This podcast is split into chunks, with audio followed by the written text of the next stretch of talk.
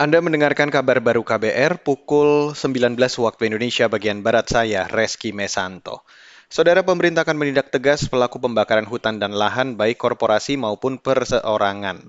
Hal itu disampaikan Menteri Koordinator Politik Hukum dan Keamanan Mahfud MD saat memimpin rapat koordinasi khusus penanggulangan kebakaran hutan dan lahan hari ini.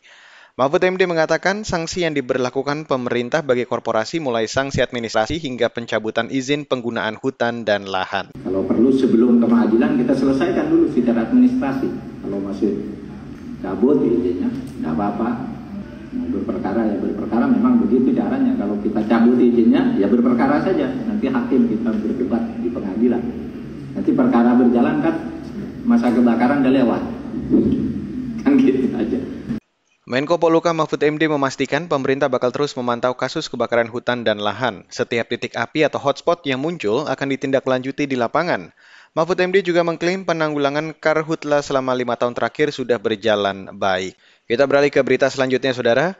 Pemerintah Indonesia dan Malaysia menandatangani pernyataan bersama terkait implementasi nota kesepahaman atau MOU tentang penempatan dan perlindungan pekerja migran Indonesia sektor domestik di Malaysia.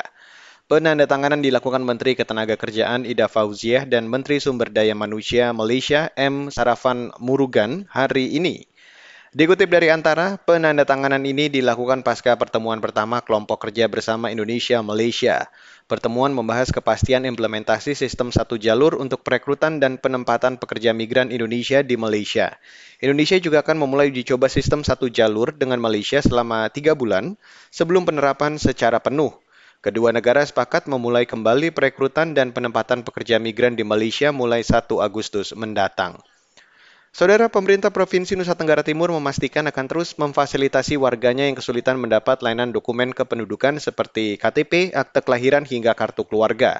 Wakil Gubernur NTT Yosef Naisoi mengatakan, warga tidak boleh terhambat mendapatkan dokumen kependudukan baik hambatan birokrasi maupun kondisi geografis prinsip-prinsipnya itu warga itu harus dilayani itulah itu itu prinsip dasar. Jadi hak-hak mereka harus dilayani. Sedangkan apa hambatan-hambatan teknis tidak boleh terjadi kalau misalnya itu berasal dari birokrat. Kalau hambatan teknis mengenai jarak, mengenai tidak apa ketidakmampuan dari masyarakat untuk sampai ke tempat-tempat kelurahan atau desa, itu harus pemerintah memfasilitasi itu. Itu sudah prinsip dasar dari kepemimpinan saya dan Pak Victor.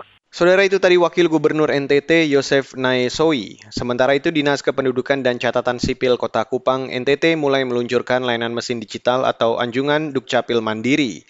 Layanan digital ini untuk memudahkan warga mengakses pelayanan kependudukan dan pencatatan sipil secara cepat. Warga bisa mencetak sendiri dokumen kependudukan termasuk KTP. Dan saudara, demikian kabar baru saya Reski Mesanto.